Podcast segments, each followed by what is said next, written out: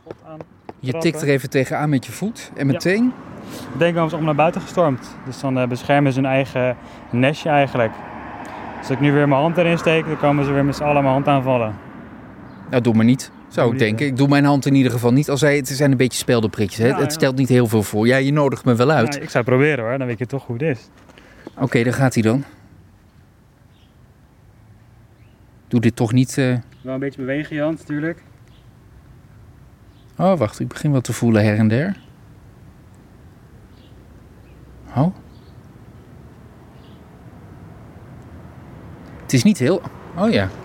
Maar het- is een, het is een beetje alsof. eh, Zo, ga er nou maar weer af, jongens.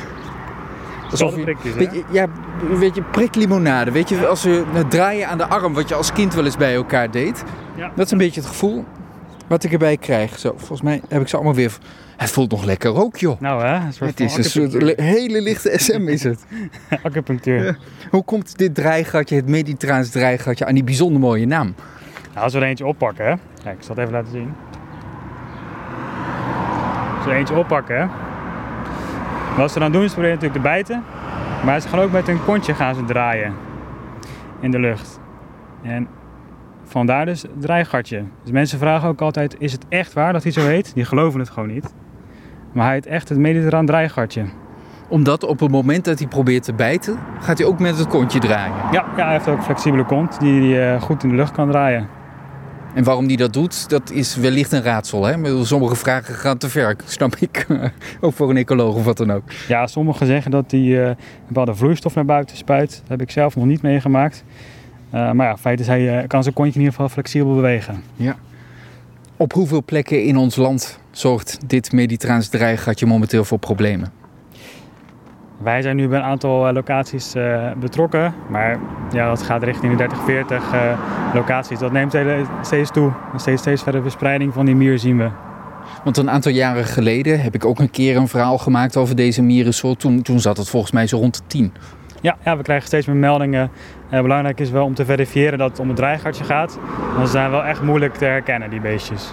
Eigenlijk zijn het net gewone mieren, maar als je ze een beetje opjut, en dat is echt niet veel voor nodig, hebben we nu twee keer gemerkt, dan zie je wel dat er een verschil is met de Hollandse mier, want ze komen en masse naar buiten.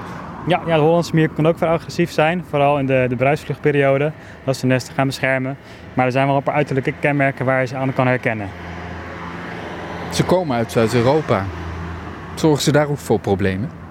Daar niet, nee. Daar gaan ze met elkaar concurreren, de verschillende nestjes. En zo houden ze elkaar dus eigenlijk klein. Terwijl hier zo gaan ze allemaal, die nieuwe koningen sluiten zich aan bij de bestaande kolonie. En versterken elkaar. Ja, want de mierennest heeft een koningin. En ehm, je zegt in, in, in Spanje of waar ze dan voorkomen, dan gaan die koninginnen die nemen het tegen elkaar op. Of tenminste die nesten. En hier in Nederland gaan ze dus samenwerken. Ja, ja, het is globaal. Hè? In, in Spanje natuurlijk ook dat ze wel meerdere koningen hebben. Maar daar hebben ze meer concurrentie onderling. En hier zo versterken ze elkaar allemaal. Hoe kan dat nou? Geen flauw idee. Nee, dat weten we nog niet. Ook niet dat, dat je dan aan het gissen bent van dit zou logisch kunnen zijn of dat, want het klinkt toch...